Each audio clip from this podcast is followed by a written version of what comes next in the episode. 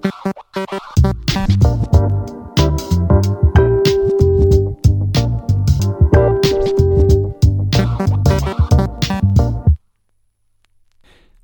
og velkommen til eh, Kostholdspodden. En podkast for deg som vil lære mer om kosthold, og rett og slett få en bedre forståelse om hvor viktig kostholdet er, sammen med trening. Dagens tema handler om å gå fort ned i vekt, og hvorfor det er en dårlig idé. Mitt navn er Preben Danielsen, og ved min side sitter Thea. Yes, velkommen, Thea. Takk skal du ha. Ja, det, er, det, er, jo utrolig forlokkende da, at ting skal skje fort når man ja, har bestemt seg. Det er det. Um, og det er jo helt menneskelig det, å søke raske løsninger. Og jeg tenker det er jo ikke nødvendigvis fordi vi er late, vi bare ønsker at ting skal skje fort. Og mm. jeg vet jo meg selv, hvis jeg bestiller en pakke på nett f.eks., så vil jeg helst ha den, eller skulle hatt den i går. Aller helst. Fire uker. Nei. Så, så, det er vel bare sånn vi er eh, skrudd sammen, da. Sånn vi er skrudd sammen. Ja. Mm. Men det er jo ikke sunt. Nei, det er ikke sunt i det hele tatt. Og det skal vi snakke om nå. Hvorfor? Hvorfor er det ikke sunt? Og hva som faktisk skjer. Fordi jeg tenker at alt man skjønner, er jo, er, jo, lettere å ta til seg. Ja, det er det. Og, og ja, det er mm. det vi ønsker, rett og slett. Og eh, nå sitter vi og egentlig venter, for vi skal ha en uh, gjest i dag. Mm, Linda. Og, ja, og det gleder jeg meg veldig til. Uh, Linda hun har vært med på Slankekrigen. Og hun har eh, fått erfare på kroppen hvordan det er å gå veldig raskt ned i vekt. Hun gikk ned 60 kilo på syv måneder. Noe som tilsvarer eh, ca. 2,5 kilo i uka. Ja, det, det, er mye. Det er veldig mye. Mm. Eh, men hun kommer litt eh, seinere. Aller først nå så skal vi bare diskutere litt ja, ikke sant. Og vi, vi, jobber jo med mennesker daglig, og får jo ofte henvendelser da spesielt fra kvinner som ja. går på hinsides dietter ned i 800-1300 kalorier, og trener kanskje fem, seks, syv ganger i uka ved siden av. Mm. Og det som er felles for de, er jo at både progresjonen i trening og vekten stopper opp. Mm. Og man kommer jo til et punkt da, hvor du ikke kan verken spise mindre eller trene mer, og når du driver så rovdrift på deg selv, så krever, du, eh, krever det i tillegg et enormt mentalt fokus og da blir det altoppslukende. Eh, noen mister mensen, eh, noen mister hårdotter, eh, ofte blir man deprimert, og det går jo selvfølgelig på selvfølelsen etter hvert også, så dette er jo komplekst, og det handler ikke bare om kalorier inn og kalorier ut, det handler om hvordan kroppen påvirkes av, det det gjør, rett og slett. Mm. Og det handler om å gi kroppen rett og slett nok mat til ja. å fungere. Ja, vi har jo et minimum behov for mat. Mm, vi har det. Og det er jo det hvileforbrenningen vår. Hvileforbrenningen vår, mm. eller hvilemetabolismen. Mm. Eh, og når man spiser da 800-1300 kalorier, da er man jo et godt stykke under den hvilemetabolismen for de fleste. Ja. Uh, og hvilemetabolismen, eller hvileforbrenning, det er jo det du forbrenner i løpet av 24 timer når du bare ligger rett ut på sofaen mm. og ikke rører egentlig en finger. Mm. For det er det kroppen trenger for å holde fordøyelsen i gang, holde nyrene i gang, og hjernen og hjertet og ja, rett og slett alle de fysiologiske funksjonene, fysiologiske funksjonene som du har. Ja. Det, det, det krever energi. Og, og når, når, du går i tillegg, når du går veldig hardt ut Eller vi kan jo si, si også at en eh, sånn gjennomsnittlig hvilemetabolisme, hvis man kan si det, man kan jo egentlig ikke si det, men sånn Nei. ligger på en 12 1400 kalorier hos en for, kvinne, i hvert fall. For, for dame, og så ja. 1600 til 2100 for en mann, da. Ja, sånn Kommer litt an på hvor mye muskler man har, hvor høy man er. Hvor mye man veier osv. Men da ser man jo med en gang at 800 er ekstremt lavt. Da ja, ligger du kanskje alt, på halvparten av hva hvileforbrenningen din er. Og, mm. og, det er klart at det vil tære på kroppen din da, på en eller annen måte etter hvert. Mm. Og, og i, i, tillegg, når du står på et kalori, stort uh, kaloriunderskudd, så tar det jo ikke mange dagene før kroppen bare reduserer denne forbrenningen din. Fordi, fordi, den vil jo tilpasse seg. Den er utrolig tilpasningsdyktig. Og det er jo supersmart. Så, så når, når, når um, forbrenningen reduseres, så vil jo vekten stoppe opp. Og det vi ofte gjør da, er jo bare å redusere matinntaket ytterligere, og så trener vi kanskje enda mer. Mm. Og kroppen reduserer da forbrenningen ytterligere, og så er du inne i en innmari dum sirkel, da. Mm. Og, og så begynner mm. kroppen å kvitte seg med muskler, fordi den, mm. den, den skjønner jo at altså musklene er jo noe av det mest energikrevende vi har. Og når kroppen ikke får nok energi, så tenker den jo åh, jeg må kvitte meg med det som er mest energikrevende. Mm. Og det er for, utrolig smart, som du sa, men, ja, men det er jo for, absolutt ikke det vi ønsker. Nei, for, for, det er jo nettopp det at kroppen tenker jo ikke at Oi, nå skal vi ha sixpack. Kroppen går jo inn, rett og slett inn i en overlevelsesmodus, yes. uh, som vi har lært fra steinalderen av. Og det er jo å sette ned forbrenninga uh, for å kunne rett og slett holde ut lenger. uh, Ja. til neste måltid. Det er nettopp det. Kroppen går bare ut ifra at du sulter, og så gjør den Mm. nødvendige justeringer ut ifra det. Og musklene dine forbrenner fett, så reduserer du muskelmassen din, så reduserer du også forbrenningen din enda mer. Ja. Så i tillegg så restituerer man jo dårligere når man står på et stort kaloriunderskudd. eh, For det å restituere, det handler jo om å spise mat og hvile. Ja. Og hvis du da trener ekstremt mye og spiser veldig lite, så sier det seg selv at restitusjonen blir dårlig. Og hvis du tenker deg ved styrketrening f.eks., så er jo hele prinsippet å lage rupturer i muskulaturen. Mm. Altså små skader i muskulaturen. Sånn at eh, Som du sånn da de- skal reparere igjen, skal reparere for at du igjen. skal bli både sterkere og mer muskler og ja. Ikke sant. Og når de ikke får reparert seg fordi du ikke får i deg nok mat og får hvilt nok, så er det klart en stressende situasjon for kroppen. Og det å konstant være i en nedbrytende fase. Mm. Og da begynner man ofte å produsere mer kortisol, og det er jo Mm. stresshormonet vårt. Mm. Og, og kortisol det er jo kjent for å bryte ned musklene ytterligere, og så Mm. lagrer du fett. Mm. Så igjen, dette blir en ond sirkel. Ja, for det at man, man begynner rett og slett å klusse med, med en del uh, av hormonsystemene. Mm. Og, og kortisol er jo en del av det, men så er det jo veldig mange andre ting som vi ikke skal gå sånn mye nærmere inn på nå. Men, men hormonsystemet er jo et utrolig finstemt eh, maskineri, for å si det sånn, Ja. inni maskineriet. Eh, og, og tukle med det, så kan man få ganske langvarige konsekvenser, da. ja, man kan det. Og, eh, og eh, når man da har på en måte gått på en så beinhard diett over lang tid og fått satt ned forbrenninga si såpass mye, så er det jo helt klart at man går jo ned i vekt. Og, og at, at det er effektivt, ja det er det, men det hadde jo vært eh, nesten enda mer effektivt å ikke spise det hele tatt. Ikke sant. Du kommer jo Eh. til et punkt hvor du må begynne å spise igjen. Ja, og når man da skal begynne å spise igjen, det er jo da man da ser den typiske jojo-slankeeffekten, fordi at man går jo opp i vekt igjen. Ja. Fordi at kroppen har jo da fått eh, holdt det på å kjenne på det der vanvittige trøkket over en, eh, over en rask vektnedgang. Du har mindre muskler og lavere Min- forbrenning. Yes, har satt ned forbrenninga og har mindre muskler. Og så begynner du å spise igjen, og da begynner kroppen å lage igjen, fordi da tenker kroppen yes, endelig kommer det mat, her må vi ta oss og lage det til dårligere tider. Et siste poeng jeg har lyst til å bare få med før Linda kommer inn her, det er at når du går veldig hardt ut, så blir jo ting også veldig svart-hvitt. Mm. Man tenker at uh, enten må jeg gjøre som før, eller så må jeg gå på en sånn ekstremdiett, og det blir jo veldig slitsomt for huet, da. Men, men i tillegg så vil jo kroppen hele tiden sende sånne overlevelsessignaler, ikke sant, Mm. ved, Mm. å, eh, ved å justere hormoner osv., prøve å få Mm. deg til å spise osv. osv.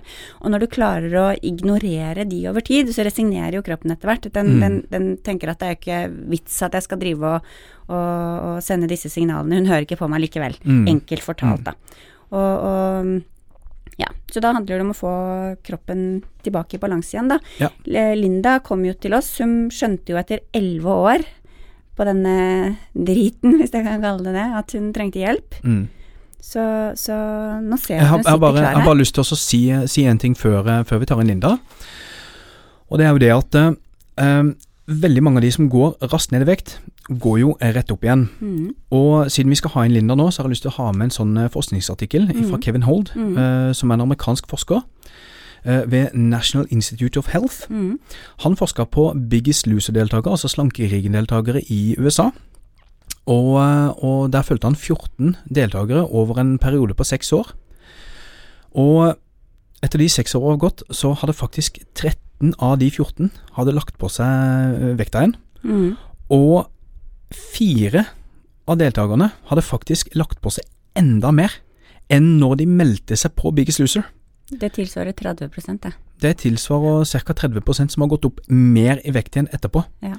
Jeg kan jo tenke meg at de som har gått, gått opp i vekt igjen, ikke er særlig motivert for å gå på en ny runde, når det er det regimet de assosierer Mm. med å endre livsstil og gå Mm. ned i vekt. Nettopp det. Men nå tar vi inn eh, Linda. Mm.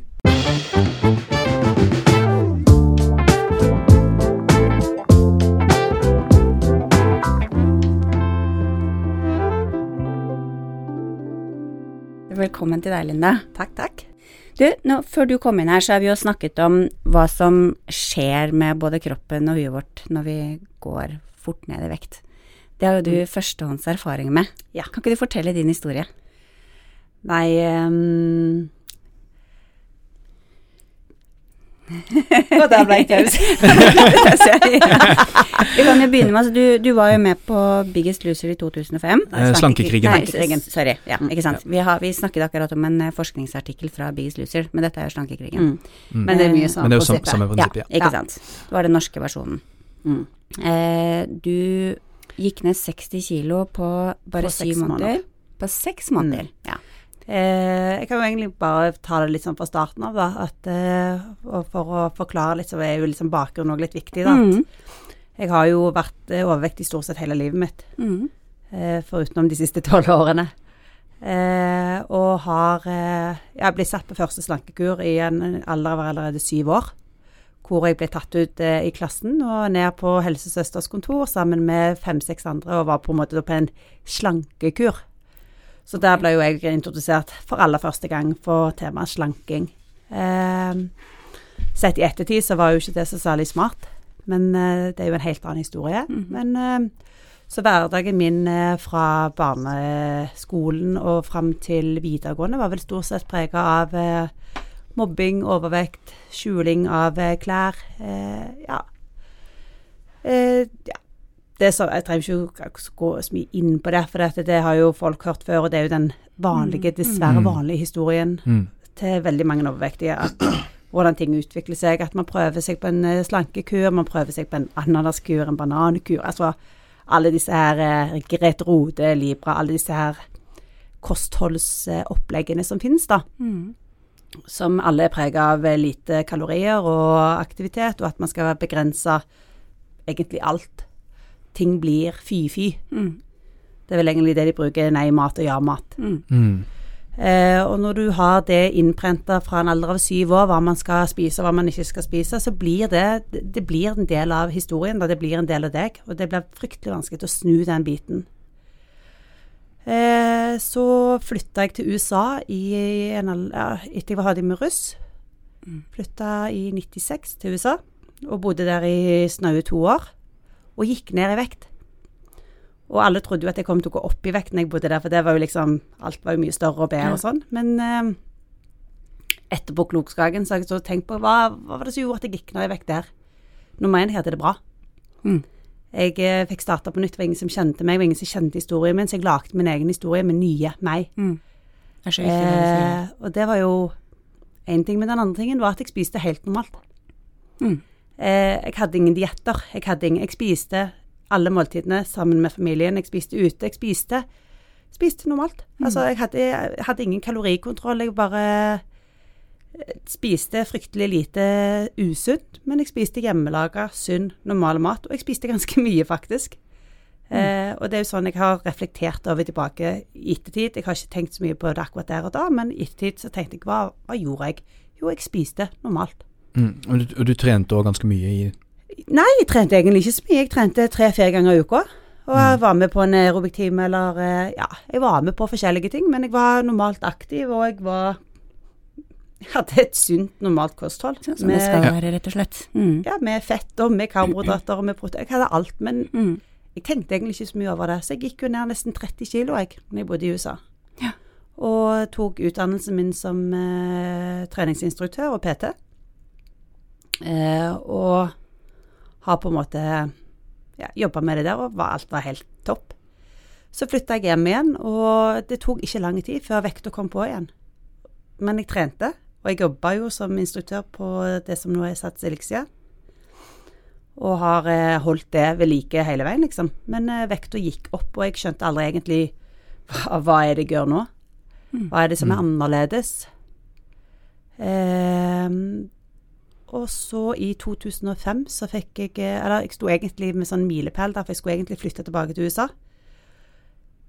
Og ble da tilkalt av TV Norge på et intervju i forhold til slankekrigen. Og jeg kom jo da med. Og der satte jeg USA-planene mine på vent. Mm. Så ble jeg med på slankekrigen. Ehm, var vel egentlig litt sånn Enten gjør du det, eller gjør du det ikke. Det var liksom min mentale at nå, nå har du en sjanse, den, den ødelegger du ikke. Så det jeg husker jeg sto i Estland der som innspillingen var, at jeg så meg selv i speilet og var bare var, Ja, jeg likte ikke synet av meg selv, da. Så da var det på, enten går du ned på innveiingen, og da er det ingen vei tilbake, eller så reiser du hjem nå. Og da gikk jeg ned og veide meg inn, og har liksom aldri snudd meg tilbake etterpå, da. Og har aldri angra på den avgjørelsen jeg tok. Mhm. Eh, under slankekrigen de første tolv ukene så gikk jeg jo ned nesten 30 kilo. Men det sier seg jo selv med 1300 kalorier daglig og 6-7 timer med trening hver dag. Eneste du gjorde, det var å trene, spise og sove. Så går man ned i vekt. Mm. Det sier seg selv. Altså, kroppen er på et enormt underskudd. Eh, og når du kun har trening og spising som fokus, så er det enkelt. Jeg hadde personlig kokk, jeg trengte ikke lage mat. Jeg hadde personlig trener, jeg trengte ikke tenke. Jeg skulle bare gjøre det jeg, skulle spise det jeg fikk servert, og trene når jeg fikk beskjed om det. Og hvile mellom slagene. Det var liksom min oppgave. Og det funker jo. Selvfølgelig funker det. Mm. Eh, og når jeg kom hjem, så hadde jeg jo fire måneder fram til finaleinnspillingen, hvor jeg skulle gå ned mer. Og da var det eneste jeg visste, var jo hva jeg skulle spise, og jeg torde jo ikke endre noen ting. Fordi at jeg visste jo hva som fungerte. Mm. Men da skulle jeg jo tilbake i jobb og et normalt liv i tillegg. Så da ble det jo ekstremt stressnivå. For da var det jo en plass mellom fire og seks timer trening hver dag. I tillegg til jobb? I tillegg til jobb. Mm. Oh, Så jeg sto jo opp om morgenen før jeg gikk på jobb, og hadde meg ofte en eh, mil løpetur før jobb. Jeg syklet til jobb når jeg var på jobb. Jeg jobba i barnehage på den tida. Så var jeg eh, like aktiv som barna. Altså, det var høyt og lavt, og jeg satt aldri i ro. Og Mm. mitt motto var aldri være i ro. Og når jeg skulle treffe venner, så fikk de beskjed om skal du være sammen med meg, så må du bli med meg på tur. Da må vi gå. Ja. Altså, å sitte i ro, det var ikke alternativ. Nei. Så det, min hverdag var sånn. Det blir jo en besettelse, da. Ja, det blir det. Mm. For du kan jo ikke sitte Altså, slappe av, det var liksom Restitusjon, det var et ord som ikke fantes i mitt hode. Mm. Eh, og så holdt jeg jo dette gående. Selvfølgelig gikk jeg under 30 kilo til fram til finalinnspillingen og veide Hvor mye veide jeg? 83,5 eh, på finalen. Da skal jeg si at da hadde jeg ikke spist på ei uke før. Mm. Og eh, gjort alt jeg kunne for å veie minst mulig. Du spiste ikke på en uke før finalen? Nei, jeg trappa ned. Jeg levde vel på si 400 kalorier om dagen. Og tok eh, vanndrivende og det var, det var Alt handler om å bare vann, veie minst mulig. Hva, hva spiste du da som eksempel? Nutrilett. Nutrilett, ja. De der Nutrilett-posene, eller en Nutrilett-bar, eller eh, Og de siste fire dagene hadde jeg ingenting. Da hadde jeg ikke vann. Jeg hadde ikke eh, Jo, jo selvfølgelig. Jeg hadde vann de to siste dagene. Det var alt. Minst mulig. Og det var Ja. At den flyturen, at den gikk bra, det, det var For finalen var jo i, spill, var jo i Stockholm. Men hvordan var tiden etter innspillingen, når, når eh, programmet var slutt og finalen Ja, var altså, over? man merka jo ikke så mye etter innspillingen, fordi at det, programmet gikk jo ennå på TV, så du var jo fremdeles litt sånn um, sånn, Du hadde fremdeles den ettereffekten av det. Du hadde et folk som kikka på deg, og folk kikket i handlevogna di. Eh, altså, du, du hadde så mye fokus at det hjalp deg, men det døde jo ut etter hvert. Mm. Og når da virkeligheten kom, så var jeg så redd for å havne tilbake at jeg bare fortsatte i samme stim. Mm. Og det gjorde jeg i tolv år. Mm. Nest, nei, ti år. Ti år gjorde jeg det. I tillegg så har du jo tvillinger. I tillegg så ble jeg tvillingmamma i 2013. Mm. Eh, det året jeg gikk gravid, så eh, fikk jeg bare beskjed om at det kos deg, slapp av. Så jeg, da lager på meg nesten 40 kilo. Ja. Det, det skal da sies at jeg hadde svangerskapsforgiftning, jeg hadde mye vann, jeg hadde tvillinger. Altså, Så 20 kilo forsvant jo idet jeg fødte barna, Mm. med vann og alt. Men jeg hadde lagt meg 20 kilo, som jeg eh, gikk av, rett og slett, det første året. Jeg Mm. gikk ned alt igjen. Mm. Men eh, med knallhard jobbing. Jeg visste hva som måtte til. Så det var 1300 kalorier, og det var Det var en mils tur med tvillingvogna hver dag i marka, og det var trening, og det var sykling, og det var styrketrening. Det var alt jeg kunne gjøre. Altså mest mulig bevegelse, og selvfølgelig da minst mulig mat. Mm. Og det er jo akkurat det vi snakket om før du kom inn også, fordi når, det, det er poenget mitt. Når ting blir så ekstremt, da, så, så, så blir ting sort-hvitt, og det er ingenting midt imellom. Og som du sier, når man ikke kjenner til det midt imellom, så gjør man jo det man, det man vet, i frykt for å gå opp igjen. Mm. Og så, så får man aldri den go gode balansen, da. Og det å kunne spise god mat med god samvittighet, eh, og så videre. Og det er jo det vi vil at folk skal oppleve. Mm, det det. Men, men i dag har du det bedre. I dag, de siste to åra eh, Jeg traff jo deg Mm. eh, i en situasjon hvor jeg eh, ble eh, separert. Mm. Jeg eh, hadde truffet min store kjærlighet i tillegg, så jeg gikk jo i en ja, følelsesmessig kaos, egentlig. For jeg var jo kjempelykkelig på den ene siden og kjempeulykkelig på den andre med at et brudd, men allikevel jeg hadde truffet en ny kjærlighet. Mm. Jeg var tvillingmamma, jeg var plutselig alene. Jeg eh, ja, prøvde å finne balansen, da. Og jeg hadde jo eh, gått opp i vekt igjen fordi at jeg var, hadde det ikke bra med meg sjøl. Det er jo det som er stikkordet her. Jeg hadde det ikke bra. Og Mm. da er mat ofte en eh, løsning for veldig mange, inklusiv meg sjøl. Mm. Eh, mat eller overdreven trening. Mm. Jeg brukte vel egentlig begge disse her to bitene. Eh, og da husker jeg jeg traff deg. Eh, en lørdag vi hadde hatt eh, bootcamp-trening, Mm. som var for øvrig veldig morsomt. Mm. Og slitsomt, for jeg hadde kun spist en Nutrilett-bar den dagen. Eh, og det var jo det jeg stort sett levde på da. Tre Nutrilett-bar om dagen, og det er 600 kalorier. Mm. For det var mitt fokus, at eh, jeg gikk jo aldri ned i vekt. Jeg fikk jo aldri prestasjoner. Selv om jeg trente vanvittig mye, og jeg trodde jeg trente, og jeg, tro, jeg trodde jo jeg spiste bra. Mm. Jeg spiste jo det jeg hadde lært. Mm. eh, som var Libra-metoden, som er samme som Grete Rode. Jeg trodde at det var bra. Jeg trodde det var bra for meg, og jeg var så innstilt på at dette er bra, for dette har jeg fått beskjed om i alle år, at Mm. dette funker. Og det funka jo, men ikke Nei, det funket jo i den forbindelse med at du ikke gikk opp igjen i vekt. Mm, men Men, du gikk jo ikke ikke, videre til- ned, og du fikk jo ikke noe ikke Nei, men i forhold til livskvalitet så funker det jo faktisk ikke. Nei, ikke i det hele tatt. Og det er jo det som er hele poenget her, at det, man skal faktisk leve. Man skal ha det bra, man skal ha energi, og man skal kjenne at man har overskudd til å gjøre de tingene som er viktige. Mm. Og det hadde jeg jo ikke. Jeg hadde jo ikke overskudd. Nei. Og jeg hadde jo heller ikke prestasjoner, og det var jo det jeg ønska. Mm. Og da husker jeg at du introduserte meg på Fleksikost og sa at jeg, se på dette programmet her, og, og jeg husker jeg fikk sjokk Mm. når jeg la inn mine mål på hvor jeg plutselig skulle spise, jeg tror det var 2000 et eller annet. Og jeg bare eh, Nei, det skjer ikke. Det, det Eh, er jo ofte en sånn mental eh, Ja, der, der må det ofte en mental endring Mm. til, Da, da trenger man ofte litt hjelp. For sånn som du sier, å gå fra 800 til plutselig 2000 kalorier. Det var vel 600, var det ikke det? ja, det på- ja, ja, mellom 600 og 800 kalorier.